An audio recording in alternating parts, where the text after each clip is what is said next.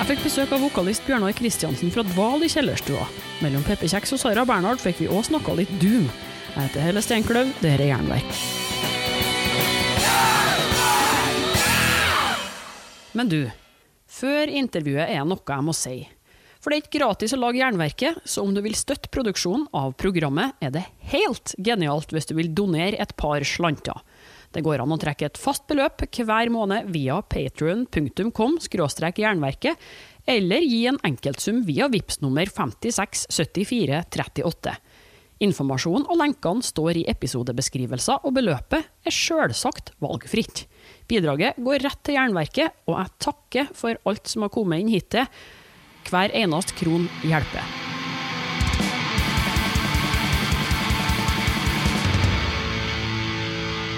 Ja, for nå eh, har jeg jo fått besøk hjem til meg her, riktignok eh, med to meters avstand eh, omtrent. Velkommen hit, Bjørnar. Tusen takk. Tusen takk for at jeg kunne komme.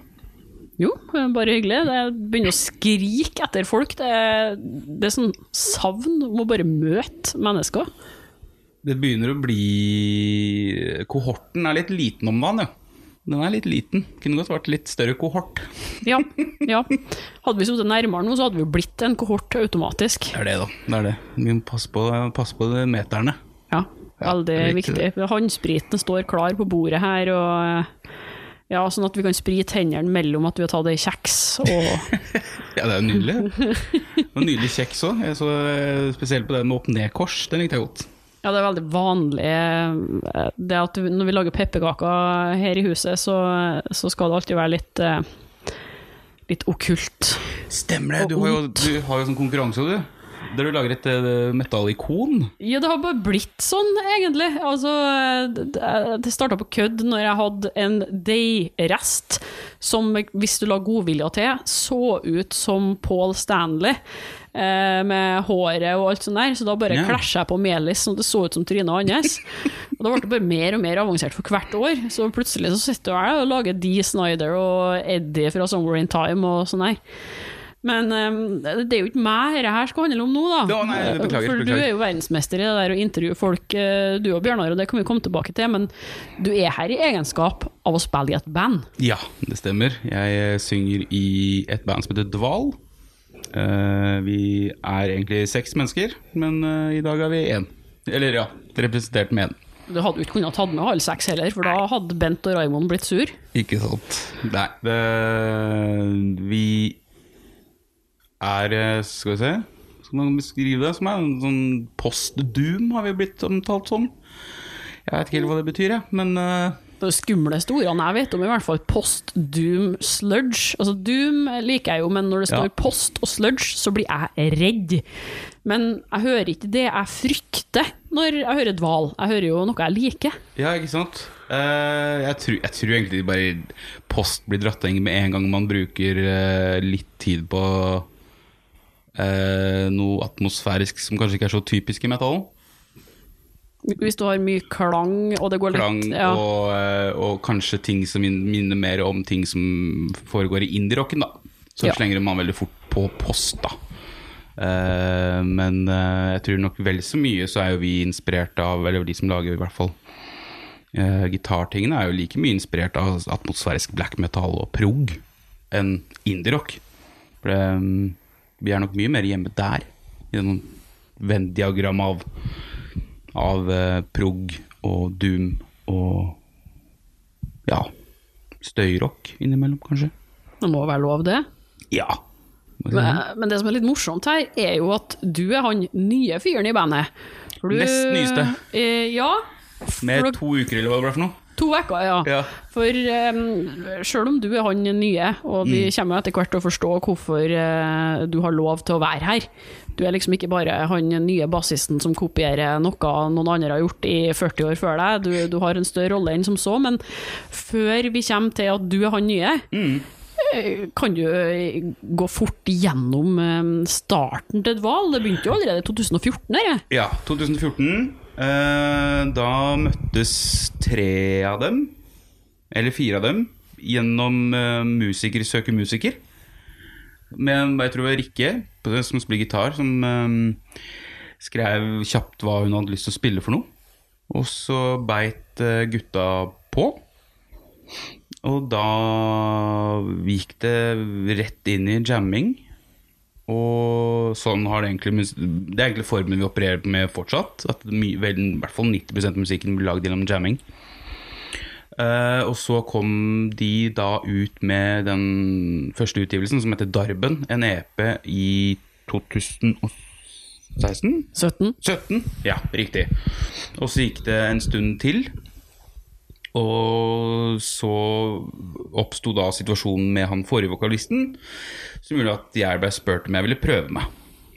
Uh, og det selvfølgelig. Jeg hadde ikke verken hørt så mye på Doom eller vært så mye borti dem før, men jeg kjente Rikke via Evy Lyttar. For vi skrev begge to der. Så jeg kan prøve det, og så fikk jeg tilbud om å bli med. Og så, to uker seinere, så kom jo da Siri med, på Siri Vestby på synt. Og da hadde bandet allerede spilt inn musikken som er på Gospel of altså vårt debutalbum, da. Så da var det for meg og Siri å være med på en del runder på å finne ut åssen vi ville gjøre våre ting. Så gikk vi i studio i Tåkeheimen og spilte inn resten, og så tok det ikke så lang tid før plata var egentlig var på plass. Kanskje du vil dra gjennom kjapt eh, hva besetninga er? Altså hvem er hvem, og hvem spiller hva her? Ikke sant? Det er, eh, ja, det er meg på vokal, Siri Vestby på synt, Rikke Karlsen på gitar, eh, Stian Hammer på bass, Eigil Dragvik på gitar og litt kor, og så er det Anders Johnsen da på trommer. Der, eh, de fire siste du nevnte, der har jo vært en grunnstamme i bandet fra omtrent fra starten av, forsto jeg. Og det som er litt artig her, var jo ikke at eh, det var jo ingen som kjente hverandre noe, noe fra før av den gjengen der. Det var null relasjon, så vidt jeg vet. Ganske utrolig at man klarer å komme sammen eh, nesten på Spice Girls-måten eh, via et musikerforum og holde sammen som band uten krig. Ja, jeg tror, jeg tror det kan gå begge veier. Altså, hvis du først setter seg, så tror jeg det er en veldig grei måte å ikke dra med gamle sånne forholdsting med inn i band. Altså liksom sånn at man blander inn hvem altså kompisforholdet på fritida inn i bandet. da At det blir nesten mer som en jobb. At du, så lenge du trives med kollegaene dine, så er det lettere å gå på jobb. da Ikke blandre så mye. Eh, ikke at jeg, altså jeg kom jo inn, og da var det jo Det er jo veldig god stemning i det bandet. Vi trives jo veldig godt sammen. Selv om vi Det er ikke alle oss som henger sammen privat heller, liksom. Det er ikke noe sånn, sånt styr, men vi har det veldig fint sammen som band. Men hvordan var det å komme inn i et band som egentlig var godt etablert? Én ting er jo at de hadde spilt sammen i flere år før du kom inn, men òg det at um, plata og låtmateriale lå der mm. egentlig allerede, og du sa at du heller ikke hadde noe særlig erfaring med verken Dval eller Doom. Nei, det var eh, Det var jo et av de måte, tinga jeg, som jeg sa ganske tidlig når jeg fikk tilbud om å bli med. At liksom, ok, er kjempefett at jeg kan være med og sånne ting, men da vil jeg skrive om tekstene. Um, og finne mine egne vokalmelodier, fordi at jeg synger såpass annerledes enn det han um, forrige vokalisten gjorde. For der uh, går det mer i en sånn trad-skrikete type vokal, mens jeg går jo mer mot deaf metalen eller black metalen. da. Og da ga de meg den tida til å finne ut av det, og finne ut liksom hvordan jeg ville på en måte øh, skrive tekstene og legge opp melodier og sånne ting. Og da fikk jeg veldig kjapt et eierforhold til det. Selv om alt, de var jo veldig vant til de låtene. Jeg hadde jo holdt på med de låtene her i to-tre år, i hvert fall. Um, da fikk jeg et eierforhold veldig veldig tidlig, og så tror jeg det samme gjaldt Siri, egentlig. For at grunnen til at det kom to inn når én gikk ut, er at han spilte synt også. Eh, og det sa jeg altså, det har jeg ikke noe interesse av i det hele tatt. Jeg vil heller at vi får inn en som kan spille synt, som kan løfte oss enda mer. Og det var de heldigvis enig i, liksom. At uh, det skulle jeg få slippe. For det, det jeg gjør, holder for meg, altså. Men altså klart alle band altså Jeg har aldri blitt med et gammelt band før, men man har jo vært med på å starte og da har du gjerne vært fra liksom, eh, kompiser på nachspiel som sitter og snakker om skal du starte band, eller? Og så blir det liksom kanskje to-tre runder, og så ja, var det kanskje ikke så gøy. Og så bare fisler ut. Men her var det jo på en måte gang. De var jo faste øvinger, de hadde jo en sånn struktur, så det var veldig der å komme til. Slippe å tenke på det, liksom noe av det, det var bare å møte opp.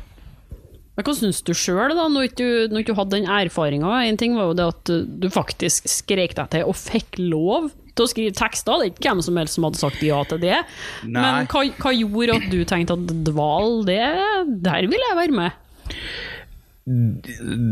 Litt Jeg var nok litt den derre sist spurte budeia på, på jordet.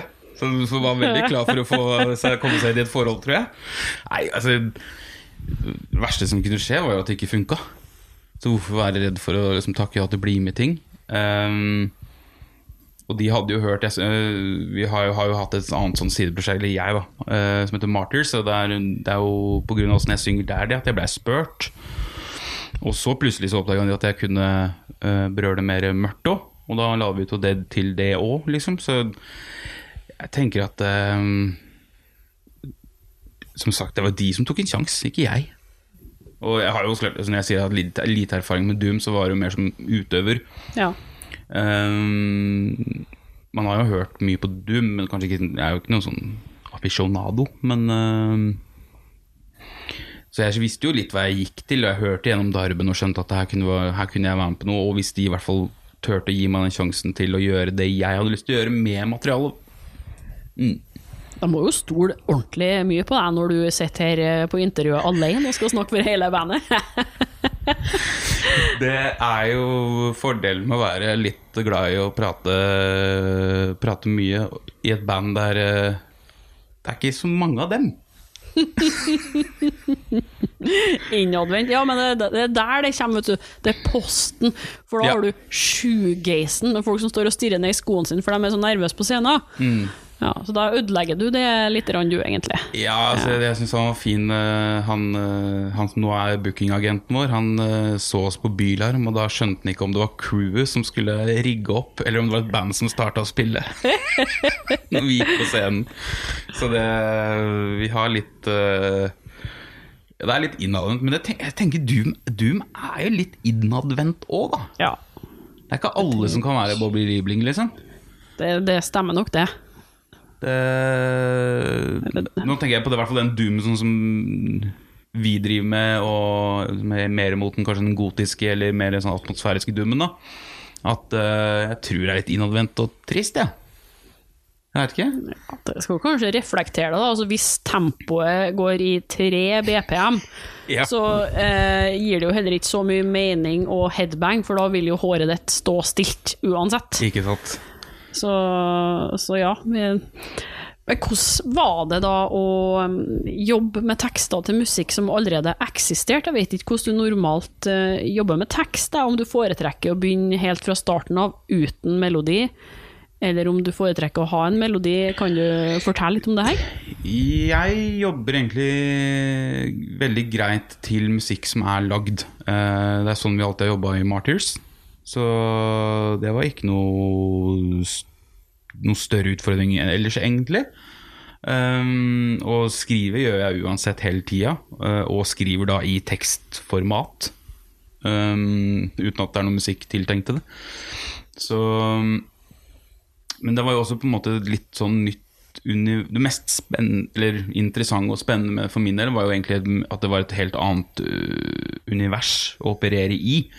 Altså, um, Ikke at man skal absolutt leve opp til hvilken sjanger man er i, men de, altså, i Martyrs var det jo litt mer sånn rølpepunk. Eh, eller black and roll, som noen tør å kalle det nå. Så det, der kunne man på en måte bare være litt fjortis i huet, men her var det jo på mer, eh, mer dramatiske og teatralske ting. da Litt større ting. Større temaer. Så det var egentlig den største utfordringa. Sorry, det var bare klassisk med å bare si om at jeg ikke har tre minutter, eh, men tre timer igjen. Du vet. Ja, ja.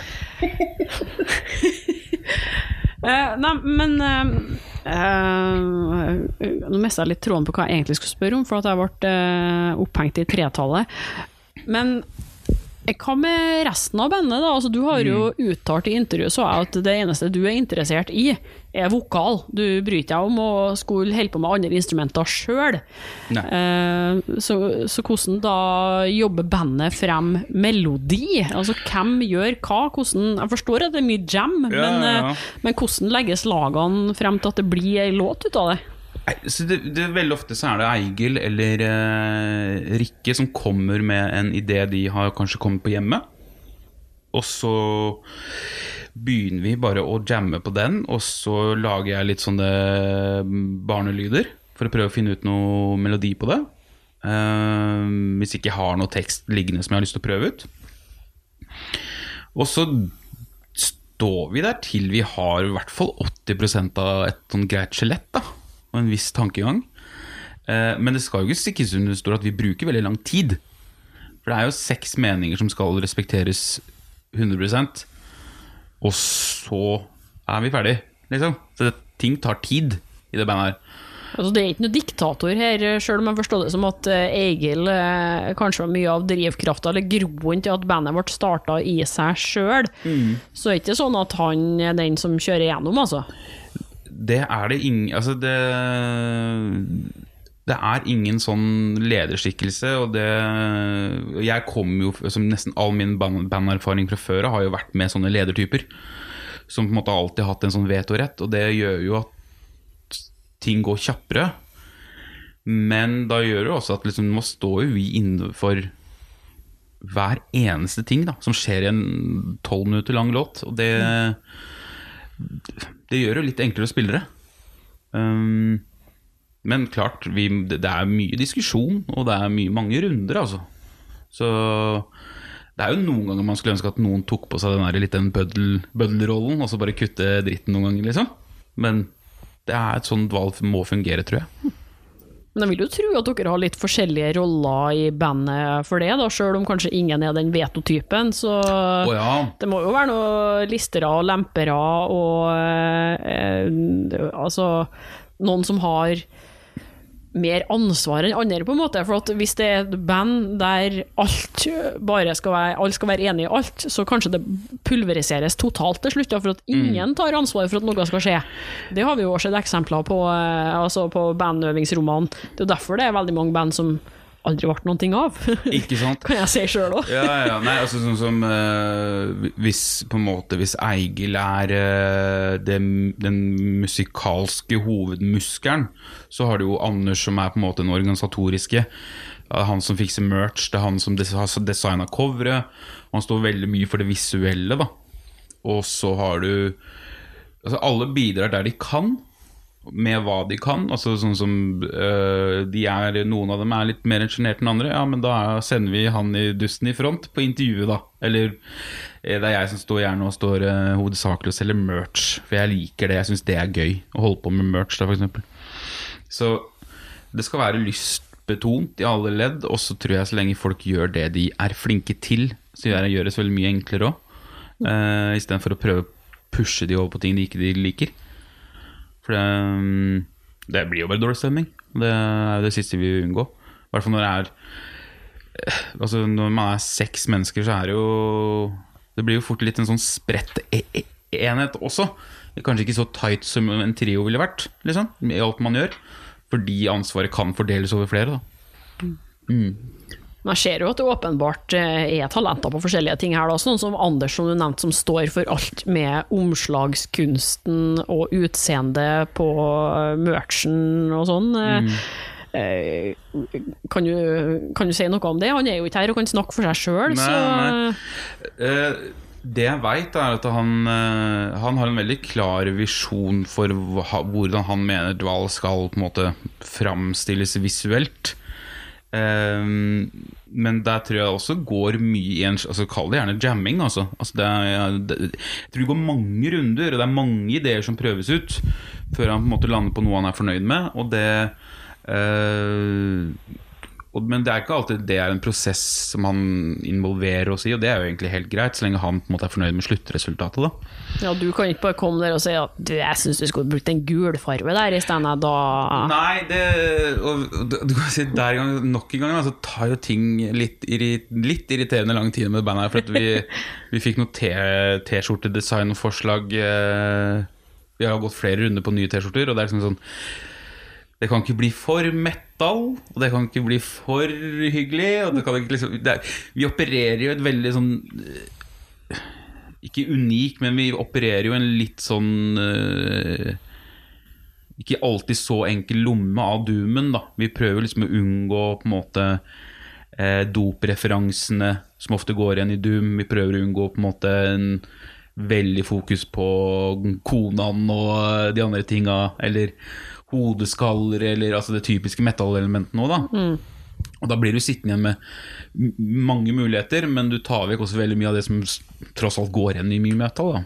Det er smalt, men bredt. Det. Akkurat. Det er, det er en veldig god beskrivelse av uh, dval generelt, egentlig. Det er smalt, men det er bredt. Ja, faktisk.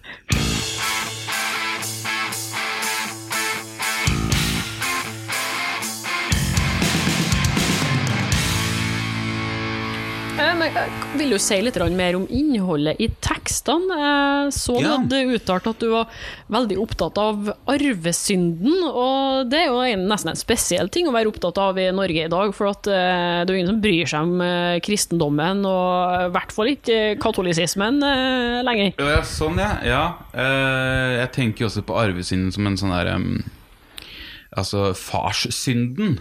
Altså hva man arver eh, av sine foreldre, av dems synder. At man alltid liksom går med en sånn ryggsekk av gammel drit. Nei, eh, vet du hva uh, Arvesynden var liksom et sånn konsept som jeg så dukka litt opp eh, etter hvert Etter hvert som jeg jobba med tekstene til skiva. Og eh, Uten man trenger å gå for mye inn i det, men altså, man har jo hatt en uh, litt sånn turbulent barndom og ungdomstid. Uh, der veldig mye av dette som vi snakker om, at foreldrene sine synder påvirker en selv veldig egentlig hele livet. Hva de har gjort galt eller gjort riktig, eller hva det enn er, da. Så jeg så det gikk igjen en del, og så tenkte jeg også litt på det her med at dette mørkeret da, som vi har i oss som mennesker, at istedenfor å på en måte trykke det ned og øh, til et punkt at det kanskje eksploderer i negativ retning, så at man heller øh, åpner for at ja, jeg har mørke ting, og jeg aksepterer de, og jeg liker de, så vil de kanskje aldri vokse seg så negative, da. Det går an å være mørkt uten å være negativ. Og så hører man på metal, så veit man det veldig godt. Du kan like ekstremt negative ting. Du kan like Campbell Corps liksom, uten at du har lyst til å gå og drepe noen. Ja. Så, um, og da kom dette fram da som en form av en slags litt sånn religiøs parallell da med den, den, The Gospel of the Vile. Altså en slags eh, ja, Et religiøst univers for de som på en måte aksepterer dette, da. Mm. Og så er jo mye Men det er ikke noe konseptalbum heller, det er bare en sånn løs tråd jeg har hatt i huet, da. Og fant ut at den var der. Eh, veldig godt til stede. Og så er det jo Det går jo i litt typiske eh, metalltekstelementer der òg, liksom. Det er jo blod og gørr og, og gamle Erik, liksom. Det er jo, det er jo ting av det der òg. Men jeg liker at det altså, Som sagt, det jeg har hørt på av Doom, har jo gått mye mer mot kanskje mer den teatralske i form av My Dying Bride og sånne ting. Og der er det jo mye av det gotiske, og det er liksom fortellinger mer enn bare syretripp, da. Som jeg liker veldig godt. Så det er, det er veldig mye inspirert av han Aaron Stainthorpe fra My Dying Bride, åssen han skriver. Så det, der føler jeg at det gjør jo også at vi skiller oss litt ut igjen fra det typiske sånn post-doom-bandet òg. Der det går veldig mye i Det er jo noen tekster fra de sånne bandene som jeg bare virker som det er mer er mattestykker. Det er liksom innlevelse og noe ektefølt der.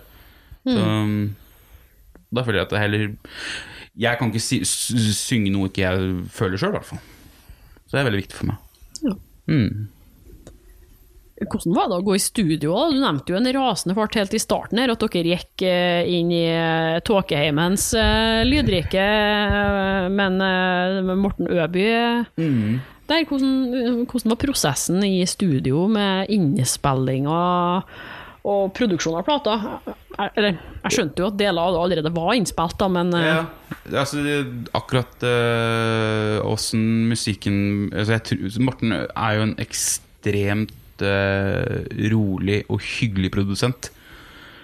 Ting tar den tida det trenger, og det Altså, ingen skal stresse, og det er liksom Det passer oss veldig godt, da. Men uh, jeg hadde nok litt uh, adrenalin-tåke på gang. Apropos Tåkeheimen. Så når min tid kom for å spille inn, så var det gjort i løpet av en dag. Og det Ok, folk er fornøyde og sånne ting. Jeg skulle kanskje, kanskje tatt et par runder på noe annet, men det, er jo, vi, det pirket der vil alltid være sånt, i stedet i huet ditt. Men jeg syns også at det lagde en slags sånn avslappa, energisk stemning over skiva. Altså Det er veldig tilbakelent, men den har en aggresjon der, da. Og den kan jeg nok kreditere en del til at vokalen er litt høyspent. Enn vi kanskje til og med gjør det live nå etterpå. Den er litt mer eh, Ikke på kanten, ja, men altså, ja, det er litt mer energi i det. Nervøs energi, kanskje. Så um, Men eh, nei, jeg tror ikke vi er noe i tvil om at vi skal tilbake til Tåkeheimen. Og det er der vi hører hjemme. Det er uh, utrolig fint. Så det skal på å skrives ny musikk eh, nå, altså. Og nå er du god. Nå plukka du opp den, som en sånn fiskekrok.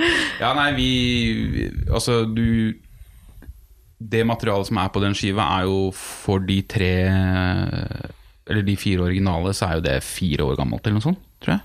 Fire. Så vi starta egentlig med å lage nytt med en gang Med en gang vi fikk mulighet til det i forhold til at eh, materialet var innøvd for å kunne spille live, da. Altså spille den plata live så var vi i gang med ny musikk. Så det er en uh, avsindig stor riffbank som ligger, uh, ligger klar, og vi har også Altså, vi spiller jo ganske lange låter, da.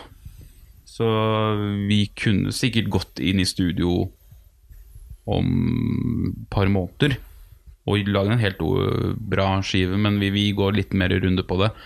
Finspisse det enda litt mer før vi går inn. Og nå har vi jo dessverre fått tida til det, da. Dessverre. Ja. det gikk jo ikke helt eh, veien, det der. For uh, du hadde fått kontrakt på Dark Essence, og det er jo kult. For det er en gjeng som virkelig gjør en innsats uh, for bandene sine òg. Så du vet jo at uh, kommer det skive der, så får du høre om det. Ja, ja, ja Men absolutt. Dere hadde jo en litt sånn uheldig slippdato på Gospel of Vile eh, i 2020. Vi hadde da 6. mars, vi. Da var vel Norge stengt 4. mars, eller noe sånt? Kan det stemme?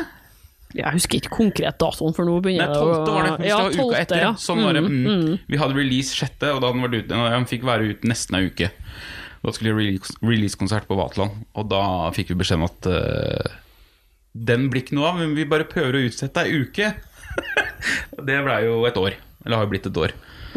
Så um, vi har ikke spilt den release-konserten ennå. Det ble ikke noe på nett heller eh, på dere.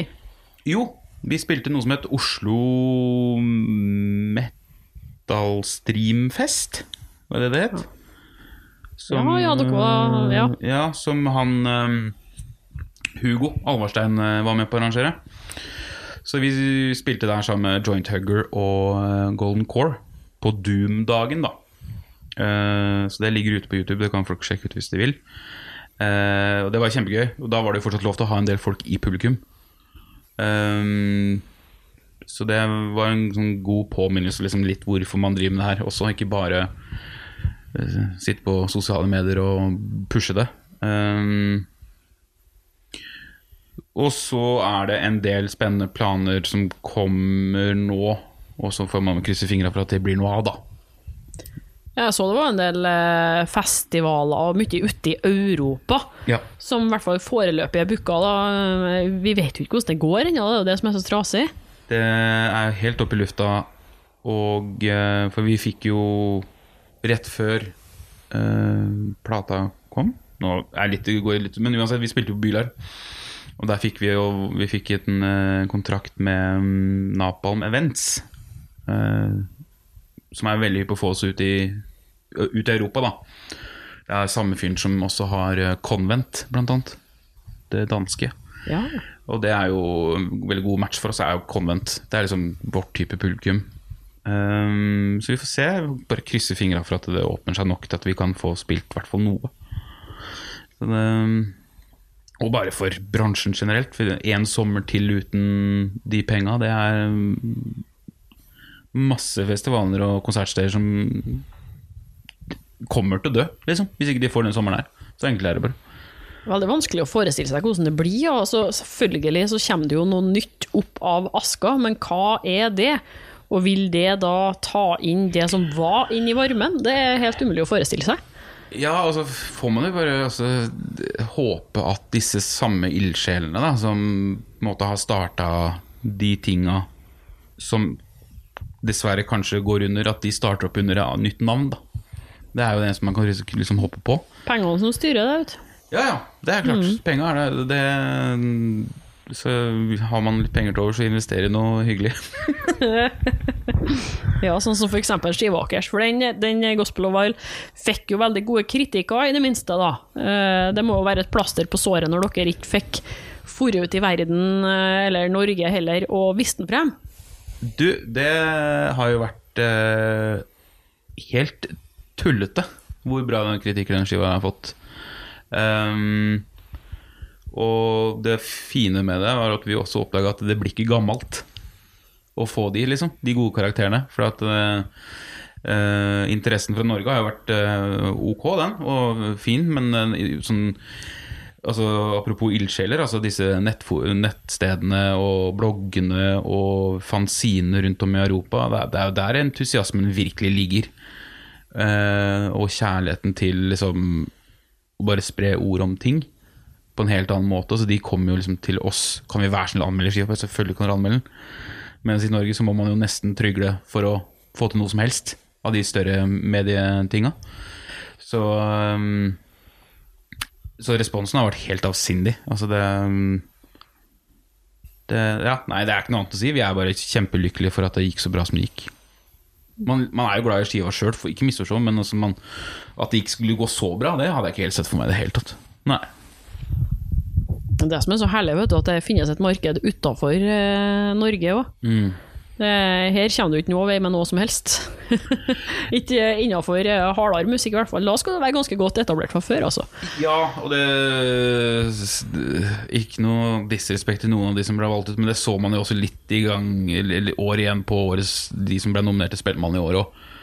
At det er jo noen som går igjen. Det, som det, det virker som at Ja, men selvfølgelig må jo de Men da tenker jeg, hvor dypt går disse jurymedlemmene i, i metallen?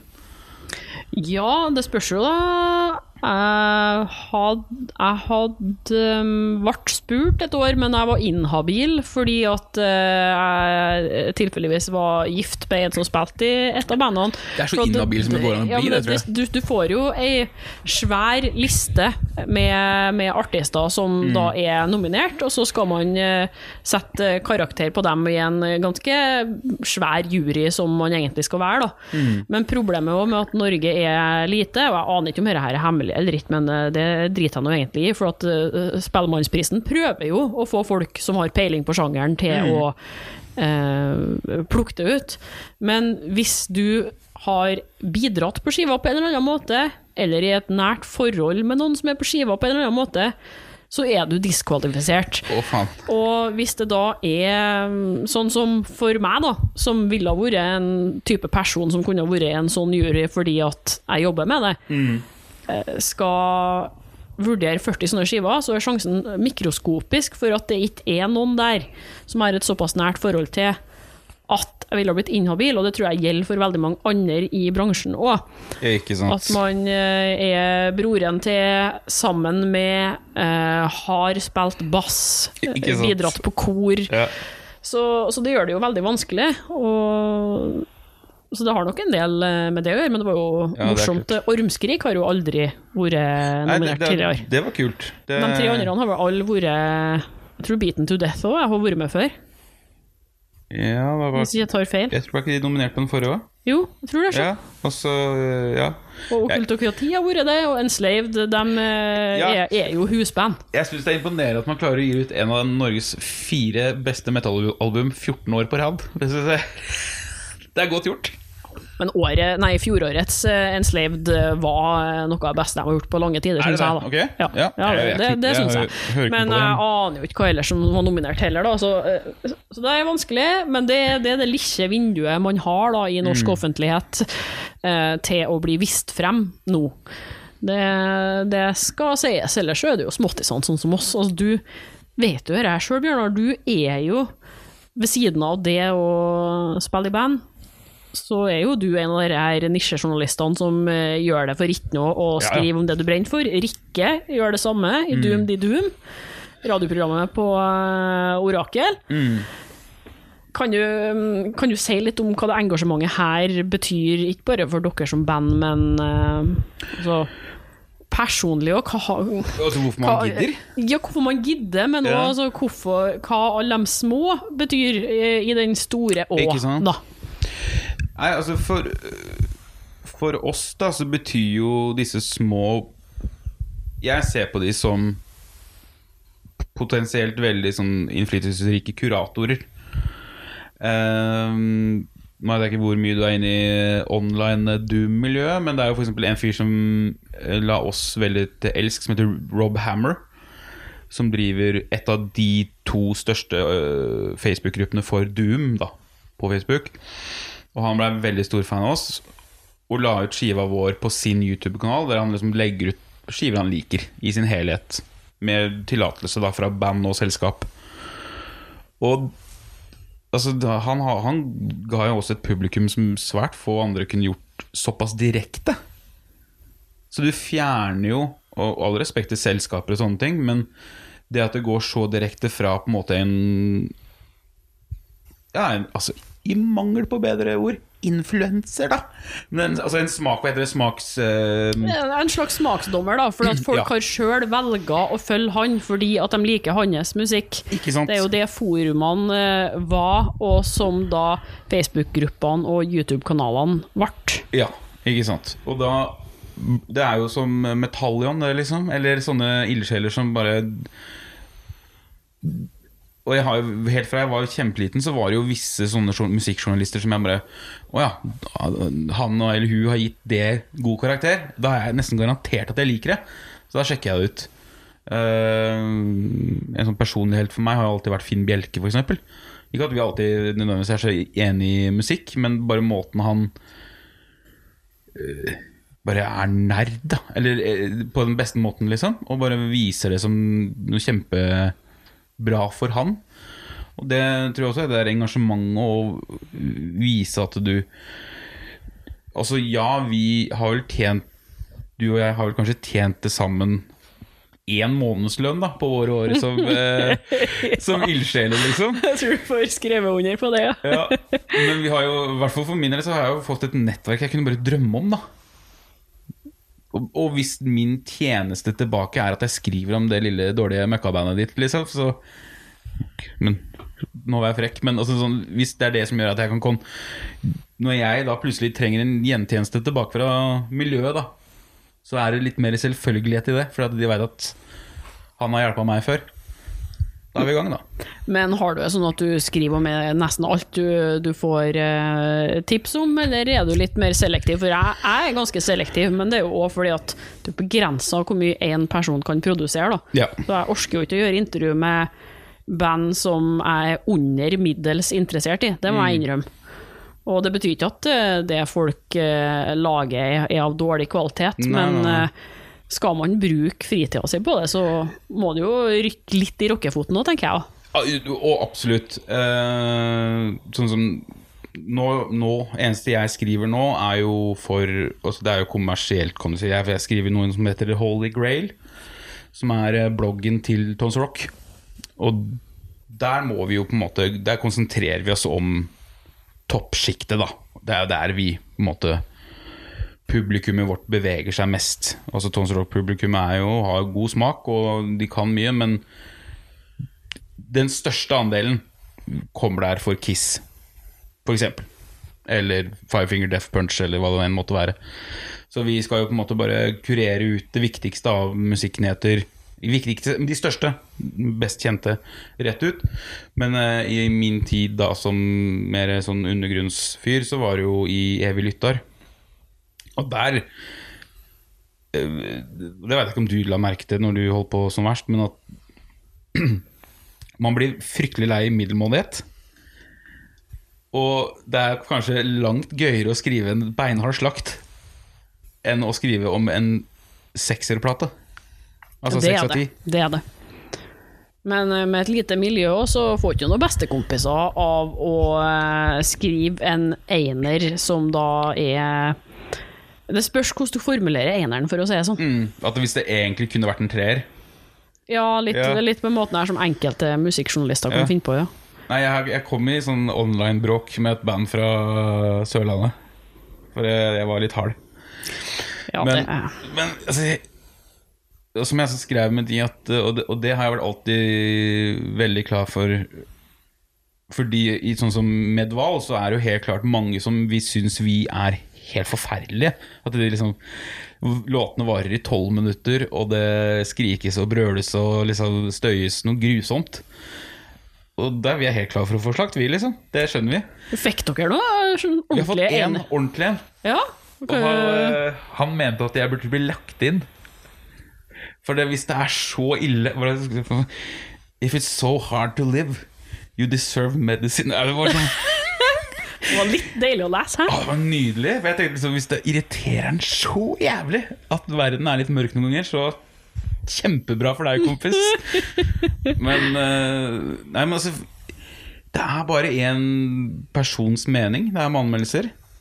Og det er jo litt interessant, for nå har vi jo Jeg vet ikke om du har fulgt med på denne Tix-debatten, men eh, og Jeg føler at jeg er litt på lag med Grønberg òg, liksom.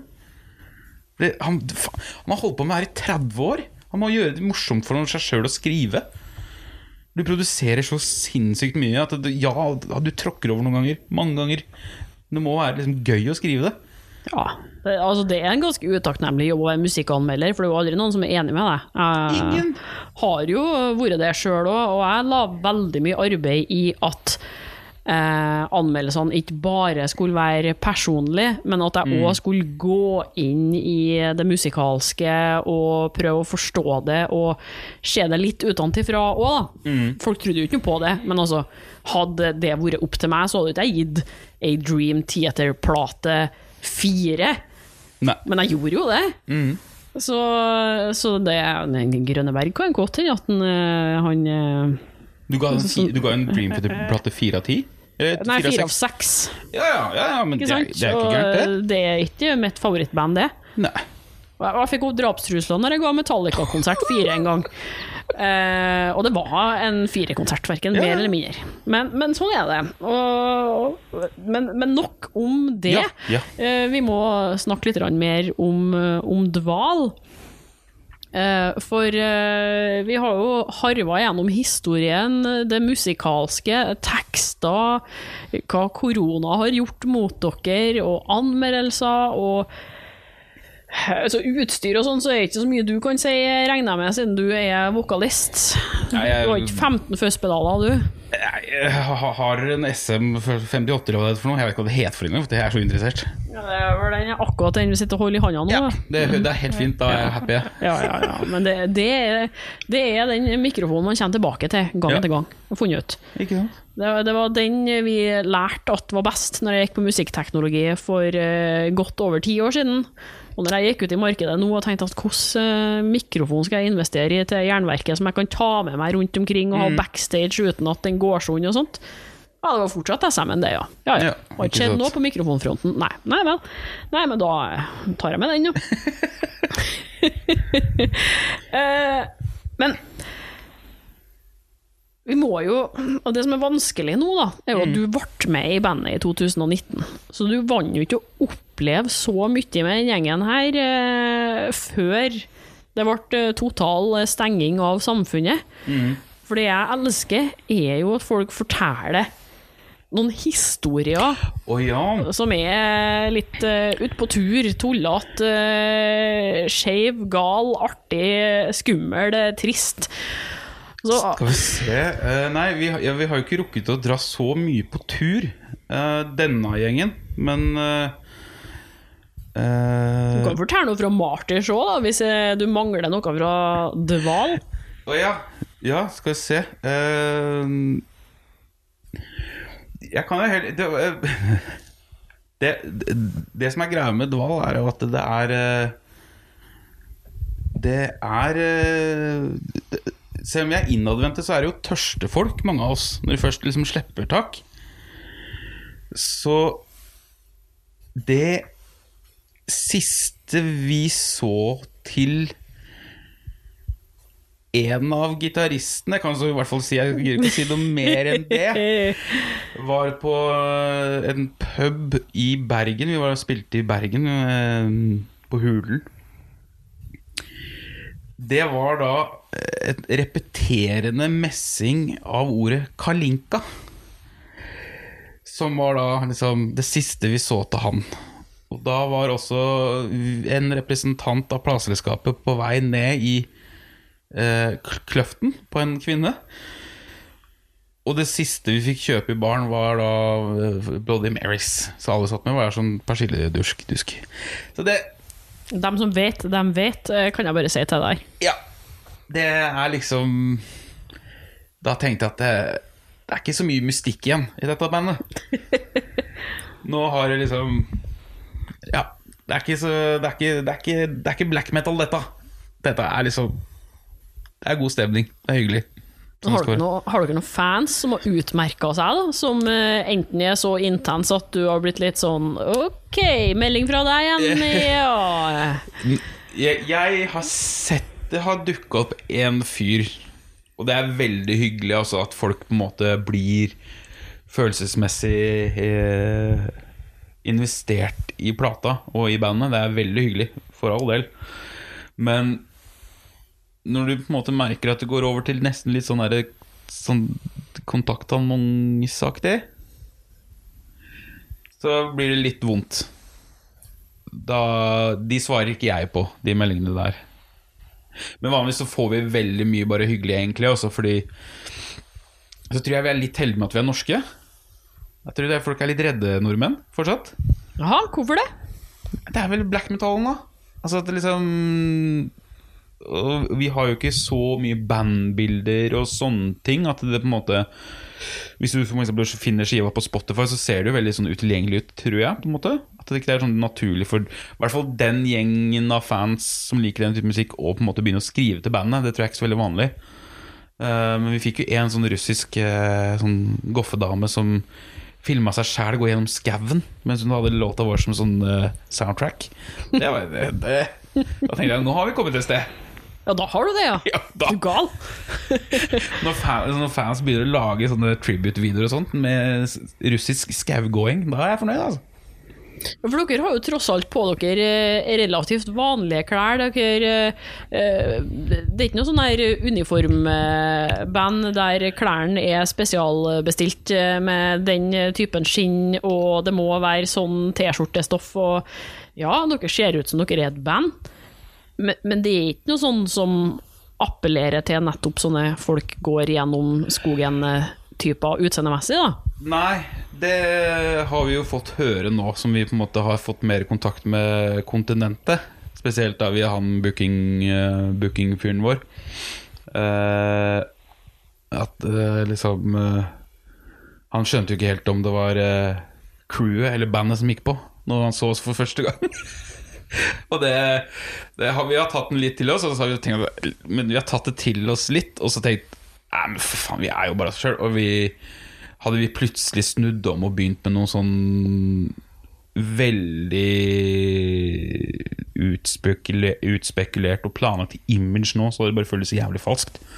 Altså Det går jo, må jo gå an å spille mørk og tung og til dels teatralsk musikk uten at man må se ser ut som et sånn begravelsesfølge, liksom. Det, Jeg, jeg regner med å passe på at ikke en av dere kommer i joggebukse og en annen en har sånn hiphop-bukse. Helt klart. Visse Det- grenser er jo. Ja. uh, men den tror jeg den er liksom ganske sånn uh, Den er ganske sånn hva heter det, underbevisst i bandet. At liksom man prøver litt. Men hvor viktig syns du som eh, konsertgjenger sjøl at det visuelle er, da? For det har jo unektelig noe å si. Og særlig når du spiller en, en um, treg form for musikk, da. Der eh, det kan ta ganske lang tid fra et parti skifter til et annet et. Så, så krever det jo litt for at uh, folk skal ha øynene eh, med seg. Eh, I hvert fall et, eh, et eh, konsertpublikum der folk er full. Ja, og det er jo derfor vi på en måte har bestemt oss for at vi heller liksom legger da mye mer vekt på det sånn lysmessige, tekniske. At um, om vi ikke vi kjenner kanskje lysmannen kjempegodt som er på det stedet vi skal spille, så tar vi med egen. Og han har med eget utstyr, så han kan alltid legge til ekstra lamper. Um, fordi at vi Vi er ganske bevisst på at liksom vi trenger litt hjelp visuelt. Og da Jeg mener selv treige band gjør seg jævla godt i ordentlig bra lys, liksom. Det, og det er jævlig viktig. Det, så jeg tror ikke vi noen kommer til å bare spille med en sånn enkel, gammeldags strobelykt. Det skal, man må litt mer til for at det skal passe, i hvert fall. Mm. Så får vi se. Absolutt.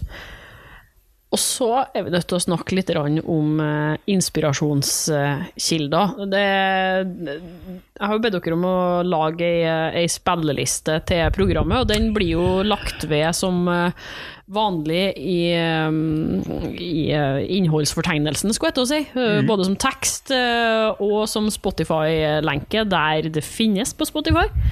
Veldig opptatt av at det skal være tekst òg, så at folk kan finne musikk som ikke er på Spotify. Men um, fortell inspirasjonskilder, altså ikke nødvendigvis bare musikalsk, men òg populærkulturelt eller sånn eh, ellers. Hvor legger de der? Uh, jeg tror jeg snakker for de fleste andre i Dval om at det er noen band som går igjen tungt, og det første vil nok være Neurosis. Eh, og Amen-Ra, Cult of Luna Egentlig veldig mye sånn Roadburn-band, uh, har jeg inntrykk av. Jeg tror nok jeg er den eneste som har hørt kanskje mer mot den gotiske doomen. Um, så det er liksom eh, de, de som tar det her mørke litt vel seriøst, kanskje, noen ganger. Men uh, type banda. Men også tror jeg det er eh, av sånne popkulturelle ting. Altså, jeg jo veldig, er jo veldig glad i horror og sånne ting, da. Altså, um, og sci-fi og sånne ting, så det har jeg nok en del av i tekstene mine. Men uh, så tror jeg egentlig bare det som kanskje er den største inspirasjonen for Dval, er egentlig at alle er litt uh, Litt uh, preget av livet innimellom. Altså, vi har, alle har et tungsinn som kommer og går litt. At det er um, mer det. At det er, føles ut som en litt sånn lettelse å spille for å få ut det agget, da, på en måte som passer oss veldig godt. Uh, men det er klart, jeg tror nok ja, Neurosis, Amen Ra, til dels litt Sønn, altså de type banda der. Der ikke kanskje trengs å vises til noe konkret alltid, men at så lenge det er ektefølt, da. Så det Ja. Men for, altså, for, for min del, sånn rent personlig, så var, begynte jo alt med Kiss, og så seinere Simon, og så innom Numtalen. og så Alle har vært der. ja, t- Innenfor en viss aldersgruppe. ja. Og det, jeg skammer meg ikke en dritt, jeg, for at jeg likte ny metal i det hele tatt. Det var helt greit. Og så inn, i mer sånn inn i black og death metal etter hvert som man ble litt eldre og utforska de tinga. Så det er liksom en kulminasjon av alt for min del, egentlig. Det prøver jeg også å gjenspeile, i vokalen min, at det ikke skal Du skal ikke på en måte pinpointe den helt. Det skal liksom, Så lenge det funker, så funker det. Men jeg skal ikke legge noe lokk på hva jeg driver med heller. Så lenge det funker og blir riktig. Mm. Har du noen stalltips da, til folk som vil dykke inn i undergrunnen her? Om du kunne ha nevnt da, f.eks. et uh, ukjent eh, band som noen burde ha sjekka ut, pluss uh, kanskje en tegneserie, kanskje, og kanskje en eller annen metallblogg, nettside. Altså, noen sånne småting som folk kan kose seg litt nå med når vi ser på enda et år uh, innstengt oh, i eget Ikke hjem. si at det blir et år til, da. Altså, jeg er forberedt på det verste. Du, eh, jeg hører veldig mye på et uh, undergrunnsband. Eh, Ok, Unnskyld at jeg avbryter deg nå, yeah. men for den lytteren som ikke kan se hva som skjer her nå, så tok Bjørnar opp telefonen sin, yeah. og der åpenbarte det seg et deksel av noe som ser ut som Dolly Parton og Kenny Rogers. Yeah. Ja, Eller mamma og pappa, som jeg kaller dem. ja ok. Så det var det du skulle si nå. Ja, nei, jeg må ha Dolly og Kenny. Det er viktig, det. Eh, ja, nå står jeg helt stille, men uh, det er i hvert fall um, et band som man burde høre på. Altså Bismarck syns jeg gjorde en veldig bra plate. Uh, ja, og ja, de er på samme selskap som oss, men de fortjener også langt mer oppmerksomhet enn det de har fått. Hvis man liker litt um, skråttenkende doom, som ikke kanskje heller så mye tilbake til 70-tallet, som bare ser litt mer framover, uten at referansene er helt borte, så tror jeg Bismarck vil treffe mange. Uh, tegneseriemessig så leser jeg mye tegneserier, men jeg har fått helt lilla på en som heter Berserk. Å, den leste jeg for veldig lenge siden og datt ut av det. Ja. Det er jo dødsbra. Han tegner ganske dårlig til å begynne med, men uh... Når det begynner å ta av Jesus Christ, for en kunstner, altså. ja, for sjuk serie òg. Ja, Ja, nei, anbefales på det. Ja. Ja, det, altså, hvis man tolererer eh, Den er ikke så PK, akkurat. Nei, men det er vi lei av. Jeg er Ja. for at eh, 2022 skal det bli det nye upolitiske, eh, ukorrekte år.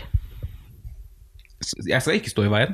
Men eh, så hvis man, Det er en japansk tegneserie da, som er sånn, eh, Den er jo kjempelang. Det er jo 40 kapitler eller noe. Den er ikke avslutta engang, tror jeg. Så hvis man liker litt eh, Hvis man syns Game of Thrones ble litt mykt, så kan man sjekke ut Berserk. og av sånne blogger og sånne ting Jo, eh, altså Doom Doomed and Stone på Facebook, hvis man er interessert i å sjekke ut mer Doom. Eh, som er da en gruppa til eh, han Rob Hammer, som har hjelpa oss veldig mye. Der finner du alt fra enmannsprosjektet i Michigan til liksom større ting som blir posta rett ut. Hvis man Og klart, du må sitte gjennom mye bilder av uh, at de skal røyke seg stein og høre på Black Sabbath og sånne ting, men uh, det kommer mye gode musikktips der òg. Så jeg har funnet mye Doom der som jeg aldri hadde hørt om. Ja. Ja, noe, nå har vi jo sikkert snart runda timen her. regner jeg med. Ja, følelsen min var rett. 56 minutter. eh, Proff, vet du. Ja, ja, ja, ja, ja. ja. Det er ikke at vi ikke kan snakke lenger, men jeg, jeg tenker at um, er det noe vi burde ha toucha innom som vi ikke har uh, Dette kommer jeg til å klippe bort, for det er et dødskjedelig spørsmål. Det er bare jeg lurer på om det er noe jeg har eh, glemt av å ta med om dval jeg nå. For det er jo egentlig Jeg har jo ikke holdt på så lenge. Det er jo ei skive, liksom. Ja, nei. eh, som også er fortsatt tilgjengelig til kjøp både i butikk og via oss. eh, og via Labelen og alt. Um, følg med der skulle dukke opp nyheter. Eh, som sagt, hvis, hvis ting går som vi håper i forhold til vaksine og sånne ting, så blir det et kult år for Dval. Det gjør det. Mm. Det blir kult år for oss alle, da. Ja, ja, absolutt. Nå spurte du meg, da. Ja, men, her- men herlighet, vi skal jo få se dere live! Ja. Det var det jeg tenkte på. Ja, sånn, ja. ja. ja Ja. nei, vi får jo håpe på det. Uh, håpe på det, og håpe at vi, det er noe sted å spille igjen i Oslo når den tida kommer. Så det kan jeg jo si på slutten. At liksom, gå og støtt de stedene du liker, på den måten de har lagt ut på. Om det så er podkaster eller utsteder eller eh, hva det enn er. Spytt inn det dere kan for å holde liv i det du er glad i. Det er viktig, det. Du har hørt et intervju med Dval innspilt i februar 2021. Likte du det, kan du f.eks. høre episodene med My Dying Bride og Superlynx.